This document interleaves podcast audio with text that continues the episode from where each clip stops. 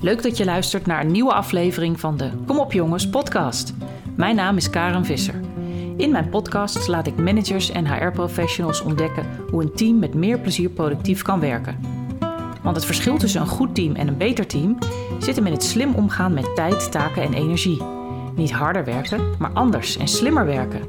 Wat ik daarmee bedoel en hoe je dat kunt aanpakken, beantwoord ik in de Kom op jongens podcast. Welkom Annemiek bij uh, de Kom op jongens eh, podcast. Uh, we zijn collega's en woe, hoe lang zijn we al collega's? Nou, ik ken je al heel erg lang. Van het betere werken kennen we elkaar. En um, sinds die tijd werken we regelmatig samen. En ik heb jou gevraagd over het onderwerp werkdruk. Want jouw bedrijf ja. heet Werkdrukverlager. Dus ik ga ervan uit dat je er wat van weet. Dus vertel eens, wie, wie ben je en wat doe je met werkdruk? Mijn naam is Annemiek Tichelaar. Mijn bedrijf heet Werkdrukverlager. En jeetje, ja, ik weet het ook niet. We werken al heel erg lang samen. We hadden inderdaad een hele leuke klik. En uh, nou, we zijn altijd samen blijven werken en al uh, vele trainingen samengegeven. Superleuk om altijd met jou uh, kennis te delen. En klopt, um, ik weet het een en het ander van werkdruk. Ik heb verschillende boeken geschreven. Net als jij eigenlijk, hè? Maar ik was eerst. De oudste is al tien jaar geleden.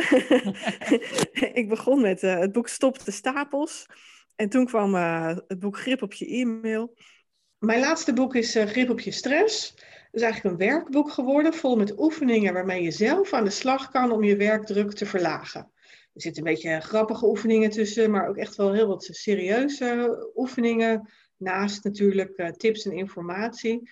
Maar zo'n 70 ja, werkvormen, oefeningen, om dus echt uh, zelf uh, iets mee te doen met die werkdruk. Mm-hmm. Dus ja, ja. Um, nou, net als jou geef ik uh, coaching en, en, training aan groepen of individuele werknemers die, die het te druk hebben, het overzicht kwijt zijn en die daar nou, samen met, met mij wat in willen doen. De mensen die ik tegenkom, ja, die, die hebben het eigenlijk altijd te druk of vinden het niet meer leuk, zo, zo druk als het het hebben um, vinden het niet meer fijn. Dus ja, dat, zijn, dat is natuurlijk onze doelgroep. Die, die, eh, die treffen wij altijd. Maar ik denk dat je toch ook banen kunt hebben waarin de werkdruk uh, behapbaarder is. Je kunt het wel druk hebben. Je hebt ook altijd een soort van grijs gebied. Wanneer spreek je nou echt over werkdruk, te druk of gewoon lekker druk. Ten slotte wil je ook niet vervelen in je werk. Hè? Dat schijnt ook uh, uh, ziekmakend te zijn als je te weinig werk hebt. Dus je wil gewoon lekker bezig zijn. En ik denk dat wat werk wat, wat minder um, kennis van je vergt, wat minder, uh, nou, wat, wat meer geautomatiseerd is bijvoorbeeld. Denk aan, denk aan een postbode of cashier. Gewoon doen wat je moet doen. Dat dat niet heel veel werkdruk geeft over het algemeen. Ja, aan de andere kant is dat, natuurlijk, dat het werkdruk wel heel veel in het nieuws is. Hè? Het is ook wel een soort van hype bijna aan het worden. Als je erop let, dan is er bijna elke dag wel weer een beroepsgroep die struikelt over de werkdruk. Is het niet de politie, dan is het wat onderwijs of luchtverkeersleiding of in de zorg. Of, nou, ga maar door. Je hoort ook eigenlijk niet meer bij hè? als je het niet veel te druk hebt, vind je niet? Ja, het, het, is inderdaad wel een, een, een, hype, met name bij, bij kenniswerkers. Maar ik vond het wel interessant wat je zei van nou, de, de postbode dat hij uh, minder werkdruk ervaart. Hè? Um, ik, ik, ik, denk dat het zeker waar is als je kijkt naar um, de mentale kant. Want een postbode ja. moet natuurlijk precies weten uh, in welke brievenbus hij wat stopt. Maar hij hoeft geen nieuwe dingen te bedenken of, of heel creatief te zijn in oplossingen. Um, maar de werkdruk bij iemand in uitvoerend beroep komt dan misschien meer van de targets. Dus van ik geef jou 100 kilo post en die moet je binnen een uur uh, ja, in de bussen hebben gestopt. Dan, dan kun je wel die druk ervaren. Maar het is, het is vooral, jij werkt, als ik het goed heb, vooral met de men, mensen met de mentale druk. Hè? Dus echt met die het idee hebben van wauw, mijn hoofd stroomt over. Klopt. Uh, het is vaak kantoorpersoneel, uh, mm -hmm. kenniswerkers, maar dat kan ook onderwijs zijn of zorg uh, leidinggevende, allerlei ja. vormen. Inderdaad, mensen die uh, nou, veel mail hebben, veel verschillende taken hebben, veel ja. met andere mensen samenwerken. Dus klanten of collega's die weer dingen vragen en roepen en van je verwachten. Uh, dat ja. maakt werk over het algemeen wat, wat meer versnipperd tegenwoordig. Dus je hebt niet meer een hele dag dat je werkt aan, aan een taak. Hè? Ik, ik denk wel eens terug aan de vroegere typkamers. Bij een bank had je van die hele kamers vol met uh, typisten.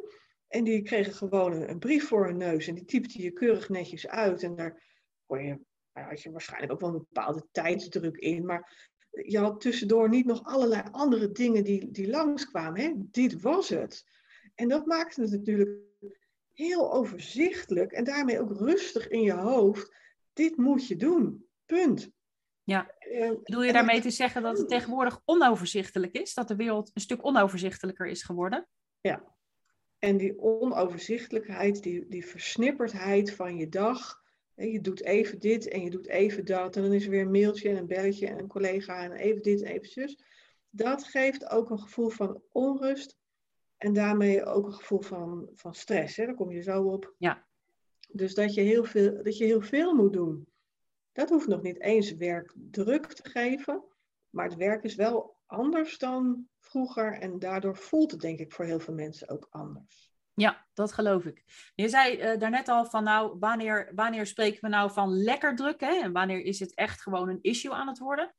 Is daar een objectieve maatstaf voor te geven? Of zeg je dat het altijd persoonlijk is? Waar iemand tegen kan of wat iemand prettig vindt? Ja, ik denk dat het heel persoonlijk is. Ik heb wel eens bij, bij teams gewerkt in een groot verzekeraar. En die mensen moesten zoveel dossiers per dag doen. En daar hadden ze dat keurig netjes wel afgeregeld op de persoon. De ene persoon kon met gemak 60 eh, dossiers wegwerken op een, ander, op een dag. En de ander deed er 40. En dat was, ja, gewoon een ander mens die het net even wat langzamer las of net eventjes uh, daar anders naar keek. Um, of misschien gewoon wat minder energie had als mens. Ik denk dat we toch ook allemaal een, een, andere batterij hebben en een andere snelheid waarmee we dingen doen. En je bent niet alleen werknemer, hè? je hebt ook nog een heel leven daaromheen. En sommige mensen hebben best een heel pittig leven daaromheen. Als je net kleine mhm. kinderen hebt bijvoorbeeld, of je hebt zorg voor je ouders. Ja, dan heeft dat natuurlijk invloed op hoe uh, energiek of gemotiveerd of enthousiast je op je werk zit. En ik vind dat daar gewoon rekening mee gehouden moet worden. Dus je kunt niet uh, zeggen one size fits all, hè, wat jij ook wel eens aanhaalt. Nou, dat fits uh, niet. Nee, dat, Moet, dat moet echt maatwerk zijn. Ja. ja. Ja. daar geloof ik wel in. En daar, nou, dat zou een van de factoren kunnen zijn waar, waar meer naar gekeken mag worden van mij op de werkvloer. Ja. Ja, dus dat de, de persoonlijke kant. Ja, nou zo, zo ondertussen zijn er al wat oorzaken van werkdruk uh, voorbij gekomen. Hè? Je, uh, de persoonlijke situatie noem je al. Van, nou, voor de ene is het snel te veel, voor de ander kan prima iets hebben. Um, andere oorzaken kan zijn um, bijvoorbeeld de, de omstandigheden, de targets die je moet halen. Je kunt werken in een organisatie waarin de lat gewoon heel hoog ligt. Wat, wat zijn volgens jou nog meer oorzaken van werkdruk? Wat zijn, wat zijn factoren die daarin een rol spelen? Nou, als je het hebt over werkdruk, dan heb je het dus eigenlijk over de hoeveelheid werk die op je bordje ligt. Mm puur gewoon hoeveel moet je doen. Um, ja, ik noem dat meestal werklast. Dus, dus een objectief meetbaar iets zoals die dossiers of ja. telefoontjes die je moet doen. Ja, en die geeft jou een bepaalde uh, werkdruk. Mm en dan kun je volgens mij vooral naar twee kanten kijken. Aan de ene kant kun je kijken, wat kan ik eraan doen om, uh, om ervoor te zorgen dat er minder op mijn bordje terechtkomt. Mm En aan de andere kant kun je kijken, wat kan ik eraan doen om, om ervoor te zorgen dat het sneller van mijn bordje afgaat. Oké. Ja, want de maat van je bordje is altijd hetzelfde, hè? Want je hebt 24 nou, uur in nou, zou je, nou, misschien kan je daar dus uh, iets aan doen, hè? Ja. Uh, dus aan de ene kant kun je kijken hoe zorg je ervoor dat er minder op jouw bordje terechtkomt. Mm Door bijvoorbeeld goed met collega's af te stemmen. Of vaker nee te zeggen tegen, tegen je leidinggevende of tegen een collega. Of mm ik denk dat je dat veel mensen, als het structureel te druk is, hè, dat je gewoon een keer echt goed het gesprek met je leidinggevende aan moet gaan. Zeg ja, ik loop nu echt over, het gaat echt niet meer. Je hebt daar dus zelf een hele belangrijke verantwoordelijkheid in. Hè? Want als jij niet moppert, niks zegt, gewoon maar doorgaat uh, en wacht tot je, uh, tot je kaarsje uitgaat, ja, dan, dan ben je te laat. Hè? Dus je bent zelf verantwoordelijk voor wat komt er op mijn bordje terecht. Of kan ik daar een beetje de, de deur dicht in houden? En aan de andere kant ben je er ook zelf verantwoordelijk voor hoe, hoe je ervoor zorgt dat alles weer van je bordje afkomt. Dus hoe zorg je ervoor dat je je werk eh, snel en handig en goed gedaan krijgt? Mhm. En ook daar is vaak nog heel veel in eh, te leren en veel in te verbeteren. Hoe zorg je dat je goed overzicht houdt in je werk? Hoe zorg je dat je je tijd optimaal gebruikt? Hoe ga je om met, met je energie en met je concentratiemomenten op je dag? Ja. Hoe zorg je er bijvoorbeeld voor dat je niet alles perfect wil afleveren, maar dat het ook eens een keer wat minder mag, zodat je een beetje sneller af hebt? Ja, Nou, dat zijn allemaal zaken waar jij invloed op hebt om het een beetje sneller van je bordje af te krijgen. Ja. Nou, als je dat eh, nou alle- allebei lukt, minder erop, sneller eraf, dan wordt je bordje een beetje leger. Dan, Nou, Hè, als, je zegt van eh, dingen eraf krijgen, hè, de, de, de voorbeelden die je noemt, eh, minder perfectionisme, betere controle over je tijd, dat zijn, dat zijn ook wel veel dingen die dus binnen iemands eigen invloedssfeer liggen. Hè? zeker. Maar de- ik, ik kan me voorstellen dat er ook factoren zijn die maken dat je bordje sneller leeg is, waar je zelf niet zoveel aan kan doen. Bijvoorbeeld ehm, de kwaliteit van de computer waarmee je moet werken. Als jij eh, zou moeten werken met een ding uit het jaar nul, eh, wat heel langzaam is, dan krijg je je werk ook niet goed gedaan. Dus een deel is misschien ook wel eh, omgevingsfactoren, zeg maar. Die maken dat je het sneller eraf krijgt. Of een collega die het sneller oppakt vanaf het punt dat jij klaar Ja. bent. Ja. Maar heel veel kun je inderdaad wel zelf doen. Hè? Je kunt het zelf Tuurlijk. beïnvloeden. Wat, wat is jouw ervaring daarin? Eh, doen mensen dat ook? Kunnen ze dat ook? Hun werkdruk zelf gaan beïnvloeden?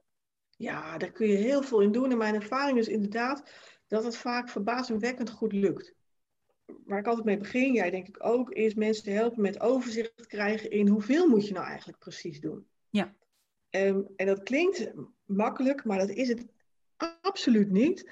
Want de werkzaamheden die je moet doen, die zitten vaak overal en nergens verstopt. Het is een soort speurtocht, noem ik het altijd maar. Het begint vaak in de mailbox, die al overstroomt met van, nou, eigenlijk allerlei klusjes die daar nog op je liggen te wachten. Dan heb je je, je klantendossiers bijvoorbeeld. Je hebt de projectplannen met acties die van jou verwacht worden. Er zijn misschien notulen met actielijstjes die jij moet doen. Eh, Je krijgt telefoontjes, WhatsAppjes, sms'jes, vragen van collega's. Overal stromen die werkzaamheden bij jou eh, naar binnen. En, en zie er maar eens grip op te krijgen. Hè? Op, op, jeetje, wat moet ik ook alweer allemaal doen? En als dat lukt, daar grip op krijgen, overzicht krijgen, dan geeft dat al zoveel rust. Want je zit Ja. niet meer s'avonds op de bank en je denkt, "Oh, ik ben vergeten Karel terug te bellen. Of dat je s'nachts in bed ligt en denkt, "Oh, ik ben vergeten die brief te posten of die mail te versturen of, of wat er dan ook maar weer allemaal eh, fout is gegaan. Dat, dat overzicht goed krijgen, dat geeft al enorm veel rust. En van daaruit kun je ook goede beslissingen nemen. Wat moet ik nou echt doen vandaag? En wat kan er morgen of volgende week of, of helemaal niet? Ehm, en van daaruit kun je ook gaan nadenken over wat is dan een goede indeling van mijn dag? Wat zijn de momenten op de dag dat ik me eigenlijk ehm, het best kan concentreren? Heel veel mensen hebben daar helemaal niet over nagedacht, wist je dat? Die beginnen gewoon maar ergens mee. En dan vraag ik, wat zijn jouw meest eh, productieve uren van de dag? Wanneer heb je het beste energie, concentratie? Ja, in de ochtend. En wat doe jij in de ochtend? Ja, dan doe ik mijn mailtjes. Ja, mailtjes.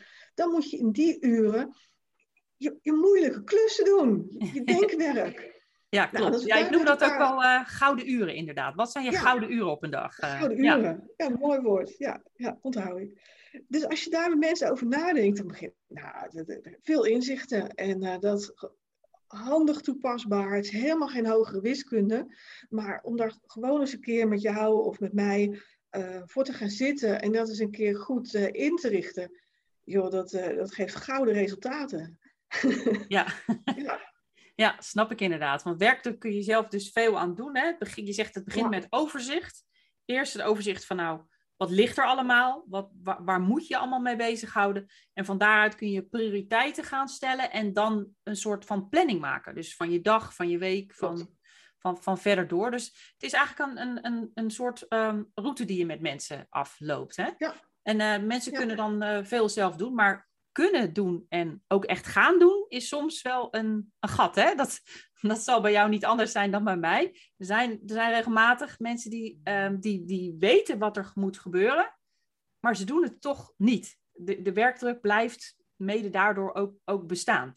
Uh, kom jij die situaties ook wel eens tegen? En, en, en hoe werkt dat dan? Ja, leuk. Dat, dat, nou, dan wordt het leuk, Karen. Want als het allemaal volgens het boekje gaat, dan zou ons werk ook saai worden. Nee, we zijn natuurlijk ook gewoon mens. En heel veel mensen hebben iets dubbels in zich. Ik kan me heel goed een secretaresse herinneren die bij me kwam en die zei: Ik wil graag op tijd naar huis. Eind van de middag moet ik hier gewoon de boel dicht doen, computer uit en ik moet gewoon naar huis. Want thuis is ook belangrijk. Punt.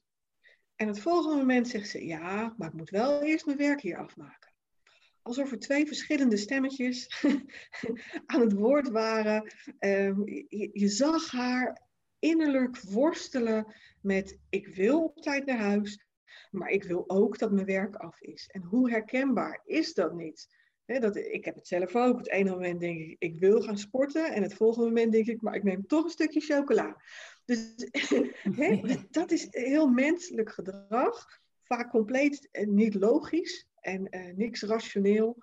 Maar op gevoel, met allerlei innerlijke drijfveren, doen we vaak hele onlogische dingen. En dat is helemaal niet erg. En dat is heel normaal. Ehm, maar daar kunnen we het als coach wel heel goed over hebben met mensen. Ehm, en dat verder uitdiepen. Wat vind je dan echt belangrijk? En Ehm, oké, je wil je werk afmaken, maar hoe zou je dan toch iets eerder naar huis kunnen? Om daar dan toch een soort van goede, gulle middenweg in te vinden, zodat je je daar toch prettig bij kunt voelen van beide kanten. Uh, en op die manier lukt het je dan beter om je gedrag echt te veranderen en dat echt blijvend ook uh, vol te houden. Ja.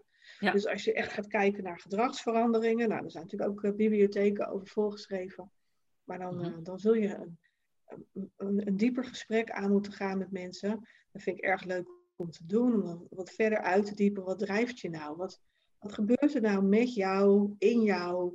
Ehm, nou, op het moment dat, je, dat er dan toch weer een collega vraagt, kun je nog even helpen met dit?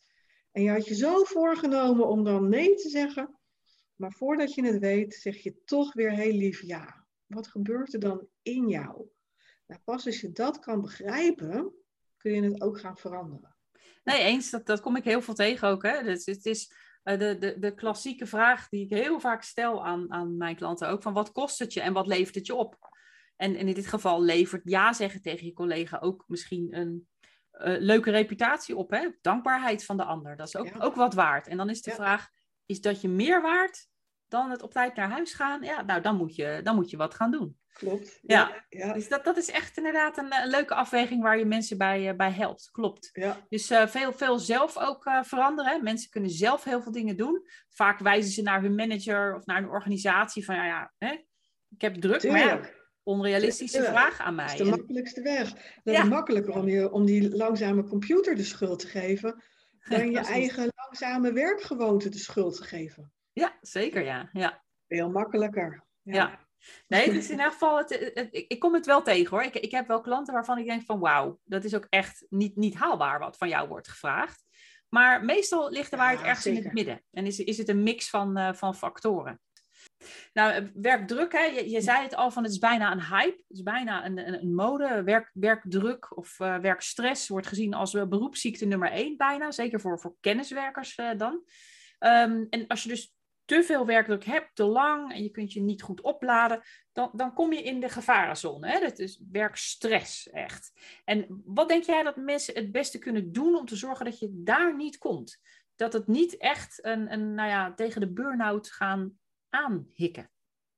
Kijk, er zijn, er zijn bepaalde type mensen, denk ik, die kunnen geweldig leven, werken onder stress en die zullen er nooit een burn-out bij krijgen.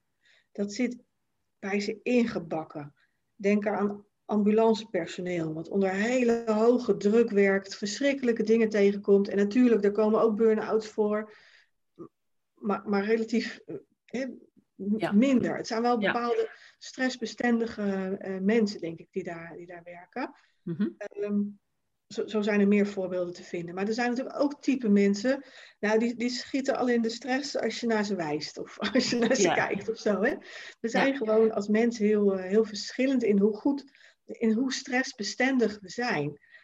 Ja, en kun je daar wat aan doen? Hè? Dat, dat, is, een, dat is een lastige vraag. Je kunt natuurlijk niet uh, mensen uh, van binnen echt, uh, echt veranderen. Nee. nee. Kijk, het belangrijkste bij werkstress, werkstress zit eigenlijk altijd in je hoofd.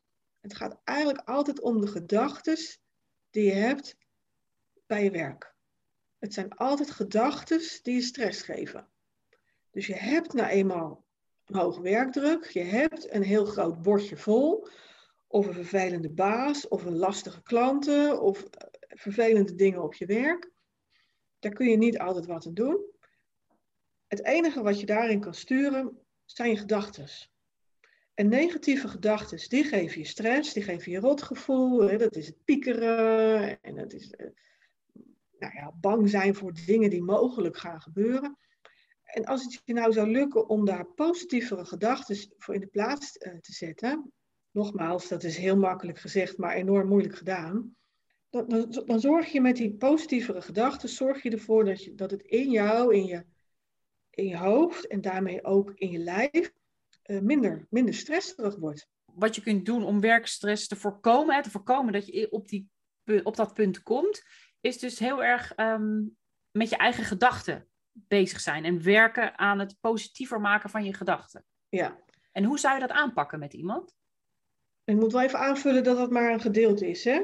Want als je, uh, zoals jij ook schetste net, echt helemaal uitgeput raakt door je werk, bijvoorbeeld te, zwaar fysieke arbeid moet doen, uh, of uh, te maken hebt met agressieve klanten bijvoorbeeld, echt in gevaarlijke situaties terechtkomt, en ik vergeet vast nog een paar oorzaken, dan kan het natuurlijk zo zijn dat, dat het werk zo zwaar is en het je niet meer lukt om daar ook goed van uit te rusten, mentaal en fysiek, dat ook al zou je daar allerlei positieve gedachten bij, bij kunnen vormen, dat dat nog niet genoeg is. Hè? Nee, er zijn gewoon, gewoon, banen die zijn zo zwaar, dan, dan is dat niet genoeg.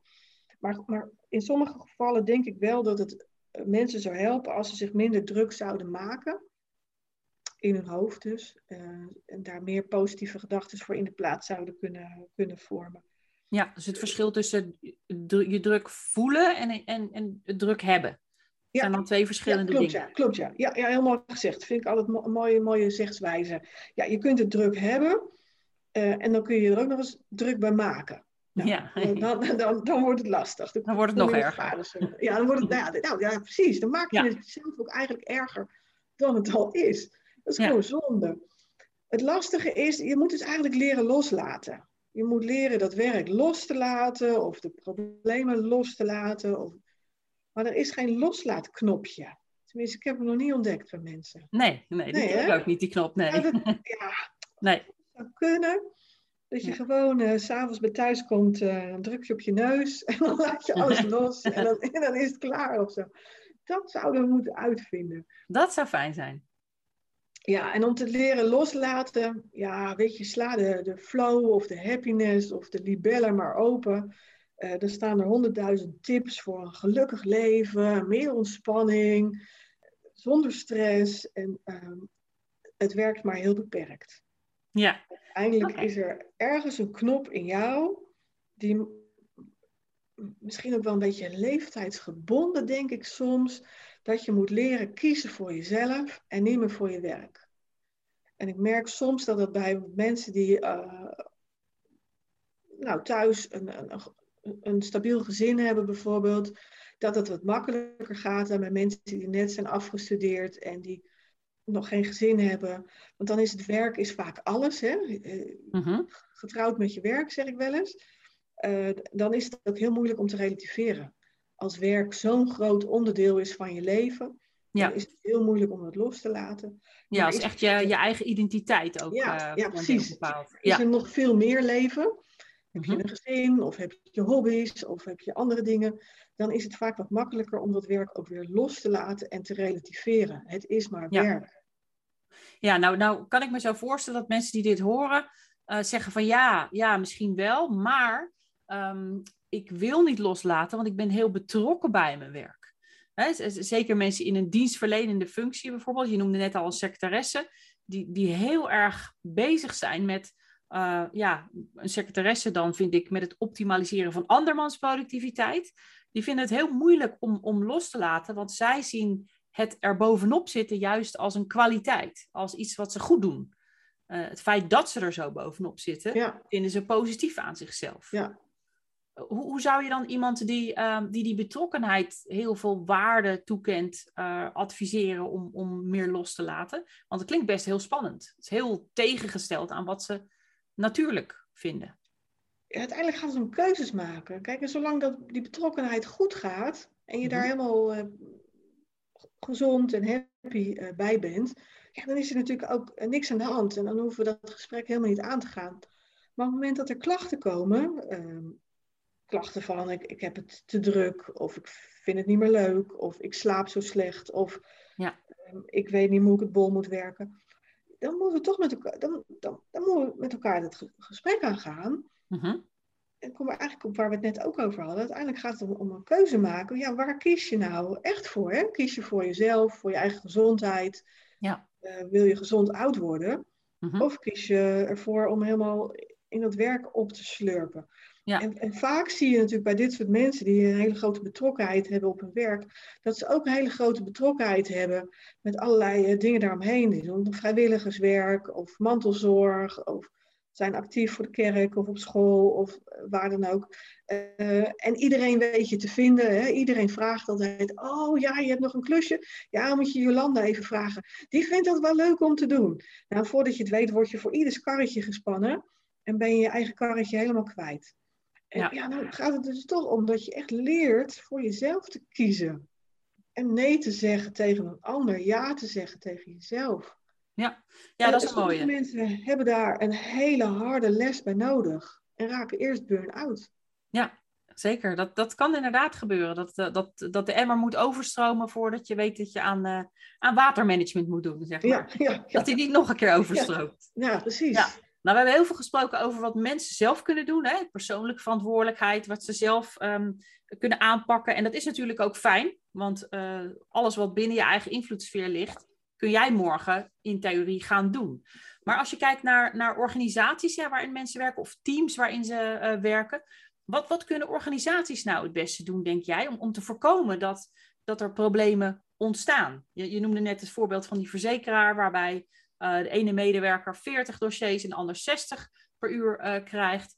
Dat is natuurlijk heel mooi maatwerk. Dat is heel, heel fijn. En ik denk ook dat die persoon met 40 dossiers vast wel andere dingen in te brengen heeft, waardoor diegene toch waardevol blijft. Maar wat, wat zou een organisatie, behalve dat maatwerk, nog meer kunnen doen om te zorgen dat, dat de medewerkers uh, gezond met hun werkdruk omgaan? Ja, mooie vraag. leuk dat je die stelt. Want ik ik denk dat er een hele belangrijke rol ligt voor de leidinggevende. En ik hoop ook dat daar in de toekomst steeds meer aandacht voor, voor komt. Ik heb zelfs een hele training gemaakt, speciaal voor leidinggevenden, rond wat zij kunnen doen om hun medewerkers te helpen met een lagere werkdruk. Ze kunnen enorm veel doen. Um, okay. wordt vaak onderschat. Kijk, in, in eerste instantie is de leidinggevende natuurlijk het aanspreekpunt. Dus als jij ergens mee zit, als je ergens mee worstelt, uh, dan moet je altijd terecht kunnen bij de leidinggevende. En die moet daar goed het gesprek over kunnen aangaan, moet mensen serieus nemen. Dat, is heel belangrijk. Wordt nog te lichtzinnig over gedacht, over met elkaar goed een gesprek aangaan over werkdruk. Daarnaast moet het leidinggevende, mocht dat niet gedaan zijn, natuurlijk zorgen voor een veilige werkomgeving. Er komt ook steeds op kantoren uh, meer naar boven over uh, seksuele intimidatie, pestgedrag op de werkvloer, uh, ongelijke behandeling van medewerkers. Uh, dus ik vind dat daar ook meer aandacht voor moet zijn en uh, dat dat, nou ja, dat, dat moet goed bespreekbaar gemaakt kunnen worden. Ga er maar aan staan hoor, als leidinggevende. Dat is echt, ja, dat is wel lastig ja, maar voorkomen ja. is natuurlijk wel beter dan genezen. Hè? Dus zeker, zeker in, in het zeker. kader van de verantwoordelijkheid van werkgevers voor ziekteverzuim snap ik dat het ook vanuit een organisatie slim Nou. is om daarin te investeren. Nou, hè? Die leidinggevende En, goed en kom er maar eens achter wat er echt speelt. Hè? Als mensen Ja. wel klagen, maar niet echt willen zeggen wat er is. Ehm, waar leidinggevenden ook veel mee kunnen helpen, is mensen helpen met het organiseren van hun werk. Mensen krijgen vaak allerlei klusjes toegeschoven, maar weten dan niet meer waaraan te beginnen. Dus Mhm. bijvoorbeeld mensen duidelijk aangeven wat de prioriteiten zijn. Wat moet er nou echt af en wat kun je ook doorschuiven naar volgende week. Ja. Dus goed eh, verdelen van werk, indelen van werk, prioriteren, helpen met plannen. Dat Ja. zijn natuurlijk ook dingen waar die leidinggevende ja, met zijn helikopterview over de afdeling eh, goed bij zou kunnen helpen. Dus veel, veel rol voor de leidinggevende, zeg je. Ja. Dus echt de persoon waar ze direct mee werken. Dat, dat, Ja. dat valt mij ook vaak op hoor. Dat, dat, dat mensen soms overschatten in hoeverre die leidinggevende met hen eh, bezig is. Hè, veel leidinggevenden die duwen gewoon werk naar je toe. Totdat jij stop zegt of uiteindelijk krak. Maar eh, ze zijn vaak niet actief bezig met nadenken. Hmm, zou Annemiek hier wel tijd voor hebben? Nee. Nee, Nee. eh, geef jij maar aan als het, als het Ja. lukt en dan, en dan gaan we prioriteiten Ja. stellen. Dus, dus dat geef ik ook aan van, van zeg dat hè, tegen je leidinggevende. Van nou, ik heb, ik heb ruimte voor vier dingen, maar je geeft er vijf. Zeg het maar, welke mag ik laten liggen? Heel belangrijk. En, en als je dat niet zegt, hè, als je gewoon maar doorgaat en een werk op je, op je bordje eh, laat, eh, laat dumpen, Mhm. eh, dan zal die leidinggevende inderdaad denken, god, er kan nog wel wat, eh, er wordt nog steeds niet gemopperd, er kan wel wat Ja. bij. Ja. Ja, dus veel heeft te maken met persoonlijke vaardigheden, maar ook met organisatiecultuur wel, denk ik. Hè? En dat, dat gaat misschien dan verder dan de leidinggevende. Dus ook in sommige organisaties is het, is het gewoon not done om om vijf uur naar huis te gaan. Hè? Dat is niet, niet cool. Niet stoer. Stoerder is om te zeggen, joh, ik was gisteren weer tot half elf eh, bezig. Wat, wat zou een organisatie aan, aan meer die, die, die cultuurkant kunnen doen, denk je? Ja, dat is wel heel verschillend, denk ik. Want heel erg van de problematiek af die speelt binnen die organisatie. Mhm. Iets wat je tegenwoordig wel vaker hoort, is het, eh, het verbod op e-mail in de avond. Oh ja, ja. Dus de gewoonte om ook maar in de avond een eh, mail te versturen. Nou ja, Mhm. eh, als jij dat echt wil, prima. Maar het mag niet zo zijn dat die ander dan s'avonds om acht uur denkt: Oh, ik moet meteen gaan antwoorden. Ja. Nee, die zit lekker in zijn eigen vrije tijd natuurlijk. eh, hè, dus, dus maak met elkaar duidelijke afspraken over wat verwachten we nou precies van elkaar. eh, rond e-mail bijvoorbeeld. Hoe snel Mhm. moet ik eigenlijk reageren? Moet dat ook in het weekend? Eh, steeds meer mensen beginnen op zondagmiddag al hun mail te doen, zodat ze op maandag tijd hebben voor hun werk. Denk ik, ja. wacht even, Ja. waar zijn we mee bezig? Nee, dat is waar. Ehm, E-mail is ook werk. dat- ja, als dat langzaam een gewoonte wordt, ja, dan, dan kan er inderdaad een scheve cultuur ontstaan. En dat Ja. kun je eigenlijk alleen oplossen door dat in in ieder geval eerst met elkaar te bespreken. Ja, wat bespreekbaar maken en afspraken maken, zeg jij. Hè? Ja, en desnoods moet je dat dus ook gaan faciliteren door echt een e-mailverbod in de avond of de e-mailserver eruit gooien na kantoortijd. Ja, of gewoon zo in te stellen dat ze niet aankomen voor Ja. de volgende ochtend. eh. Nou ja, iets heel simpels Ja. nu eh, in deze vakantietijd. Ik ken een kantoor waar mensen in eh, vakantietijd, eh, dan gaan de laptops en de, en de werktelefoon gaan in de kluis. Dus op vakantie heb je gewoon geen werklaptop en geen telefoon bij je. De bereikbaarheid kan ook niet, al zou je het willen. Die liggen Nee. veilig in de kluis. En waarom ook niet eigenlijk? Dat vond ik eigenlijk een hele mooie. Ja, kleine dingen soms, hè, waardoor je Ja. het klopt, ja. ja. net even... En het andere wat je vroeg is rond gezondheid, vitaliteit is ook zoiets wat wel in is, waar steeds Hm. meer aandacht voor komt. Ja. Ook een heel breed onderwerp. Eh, maar wat ook maatwerk is, hè, als jij heel veel werknemers eh, hebt die roken bijvoorbeeld, ja, dan zou dat iets kunnen zijn om daar eens met elkaar over eh, een, een cursus aan te bieden, bijvoorbeeld aan, aan de werknemers. Maar ja, Mhm. heb je geen werknemers die roken, dan, dan hoef je dat niet te doen. Nee, Dus nee. ook dat is weer maatwerk, maar wel iets om aandacht voor te geven. Ik Ja. vind bijvoorbeeld het, ehm, het verminderen van alcohol. Dat was vroeger natuurlijk heel normaal, de vrijdagmiddagborrel. Maar ik kom toch redelijk wat klanten tegen, niemand die het weet, maar die elke avond aan, eh, flink aan de drank zitten. Dat heeft natuurlijk effect op je werkprestaties, maar is er iets, iets wat heel erg verstopt is. is Maar een misschien- persoonlijke factor die, die heel privé is, maar wel doorwerkt. eh, ja. Ja, die wel meewerkt in je werk. En eh, dat zijn dingen waar, waar eigenlijk wel aandacht voor zou moeten zijn vanuit, vanuit het bedrijf. Mhm. Ik ken ook bedrijven waar veel werknemers waren met eh, financiële problemen, schulden. Oh ja. Waar, eh, waar eh, ook hulp voor werd aangeboden. En dat is een hele grote stressverminderaar als je je niet meer zorgen hoeft te maken over je financiën. Maatwerk, Maar ik denk dat mhm. veel organisaties iets kunnen doen aan vitaliteit op bepaalde gebieden. Ja, en dan dus ook ehm, niet een keiharde grens trekken tussen werk en privé, hè, hoor ik je zeggen. Want uh, ook privé dingen kunnen enorm veel invloed hebben op, op de werksituatie. Ja, gelukkig is daar steeds meer aandacht voor, voor mantelzorg bijvoorbeeld. Mhm. Maar denk ook aan, ehm, zeker nu we meer thuiswerken, waarom zou je niet een uurtje mogen sporten onder werktijd? Eh, en dat uur haal je eventueel weer in. Of je mag, uh, ik ken een bedrijf waar je één uur per week mag sporten onder werktijd. Um, omdat je nu gewoon overdag ook even een uurtje kan gaan hardlopen of fietsen. Of, uh, ja. Dus, dus dat zijn allerlei dingen waar je inderdaad maatwerk en waar werk en privé makkelijker door elkaar heen lopen. Ja. ja. Nou, nog, nog een, een, een, laatste vraag over, over thuiswerken dan, want dat hoor ik je noemen. En dat is natuurlijk al, al meer dan een jaar de realiteit voor heel veel mensen in Nederland. Ja. Ehm, wat, wat is uh, naar jouw idee het effect geweest van uh, al dat thuiswerken of nu een beetje hybride werken al op de werkdruk en de werkstress die mensen ervaren? Is die gestegen, denk je, of gedaald, of gelijk gebleven? Wat is het effect? Ik heb dat onderzocht, dat is weer een tijdje geleden hoor, maar ik heb er wel eens een enquête over gehouden. Over ja, weet ik nog, ja. Kleine 300 mensen.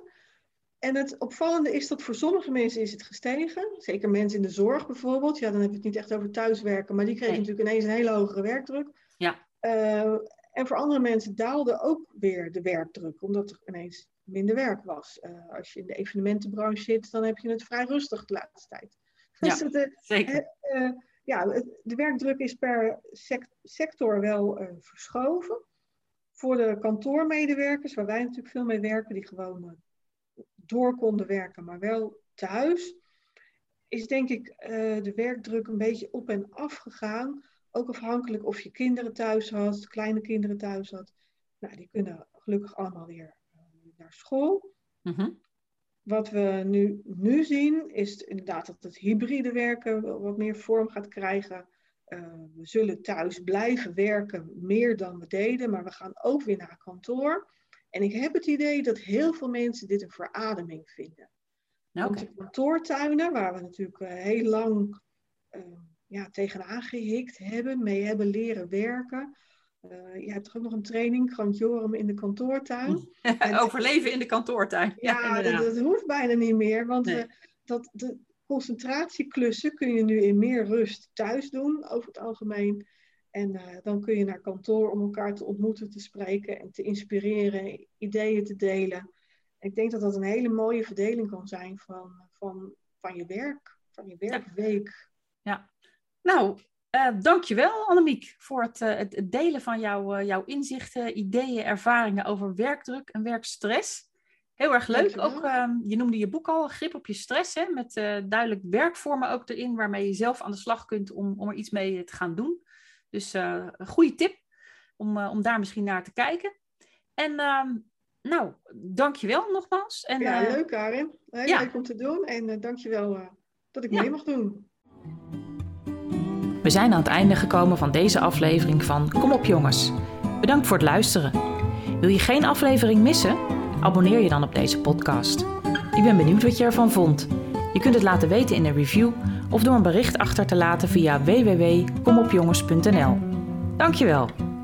Wil je meer weten over jouw eigen werkstijl? Ga dan naar mijn website www.newbroom.nl/gratis en download mijn zelftest werkstijlen. Tot de volgende aflevering.